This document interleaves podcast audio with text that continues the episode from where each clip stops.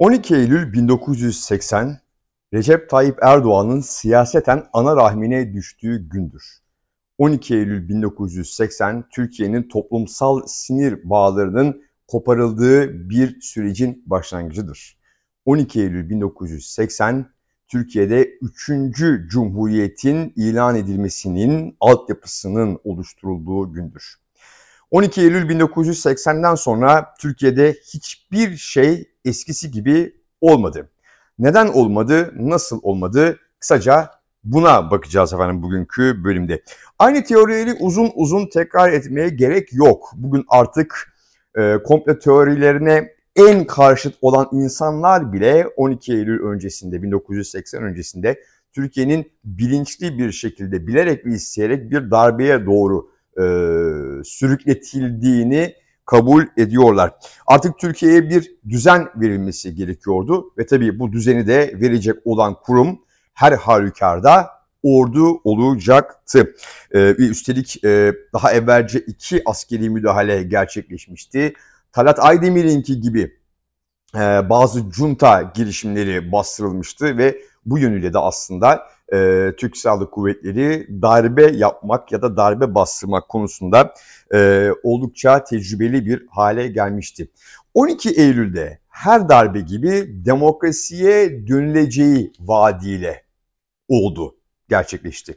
Ancak dönülen demokrasi gerçekten bir demokrasi miydi? Ee, işte bu tartışılır. Neden 12 Eylül'de Recep Tayyip Erdoğan'ın siyaseten ana rahmine düştüğü tarihtir dedik. Ee, efendim Recep Tayyip Erdoğan 12 Eylül ile başlayan bir sürecin sonunda Türkiye'nin vardığı noktadır çünkü. Ee, 12 Eylül'ün arzuladığı ve hatta hayata geçirdiği ne kadar uygulama varsa, ne varsa e, Türkiye son 20 yılda bunu toplumsal normaller olarak e, kabul etti. 12 Eylülcülerde e, sokağa çıkan herkese e, taleplerini, isteklerini e, demokratik yollarla ortaya koyan, dile getiren herkese terörist diyorlardı. E, bugün de deniyor efendim.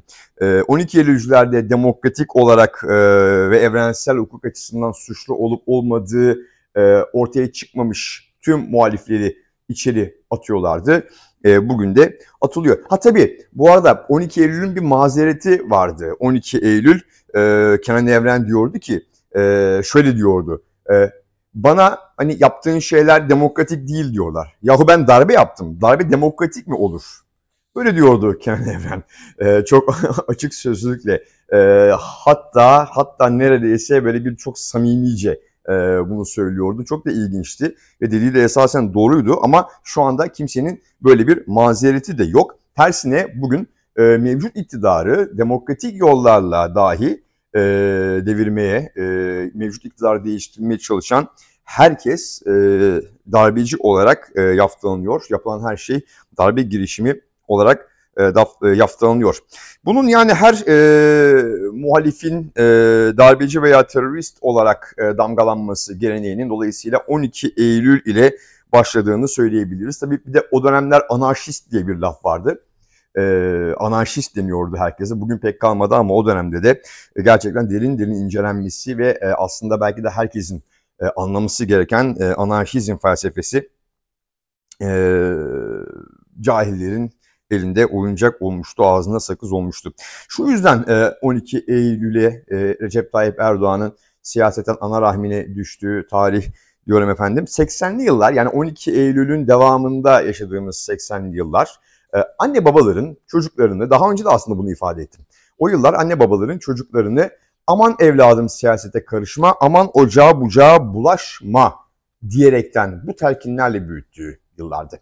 90'lara gelindiğinde 90'ları hatırlayanlar mutlaka bileceklerdir. Bir Manisalı gençler olayı olmuştu. E, duvara yazı yazdıkları gerekçesiyle Manisa'da e, bir grup lise öğrencisi e, gözaltına alınmıştı, işkence görmüştü ve o dönem bütün liselerdeki e, o bayrak törenlerinde e, okul müdürleri e, bu örneği vererek, Manisalı gençler örneğini vererek e, öğrencilerine nasihatlarda bulunmuşlardı. İşte o nasihatleri e, dinleyerek, dinleyerek büyüyen jenerasyonlar bugün e, Twitter'da gerçekten çok da sert olmayan bazı yorumlar yaparak muhalifçilik oynuyorlar.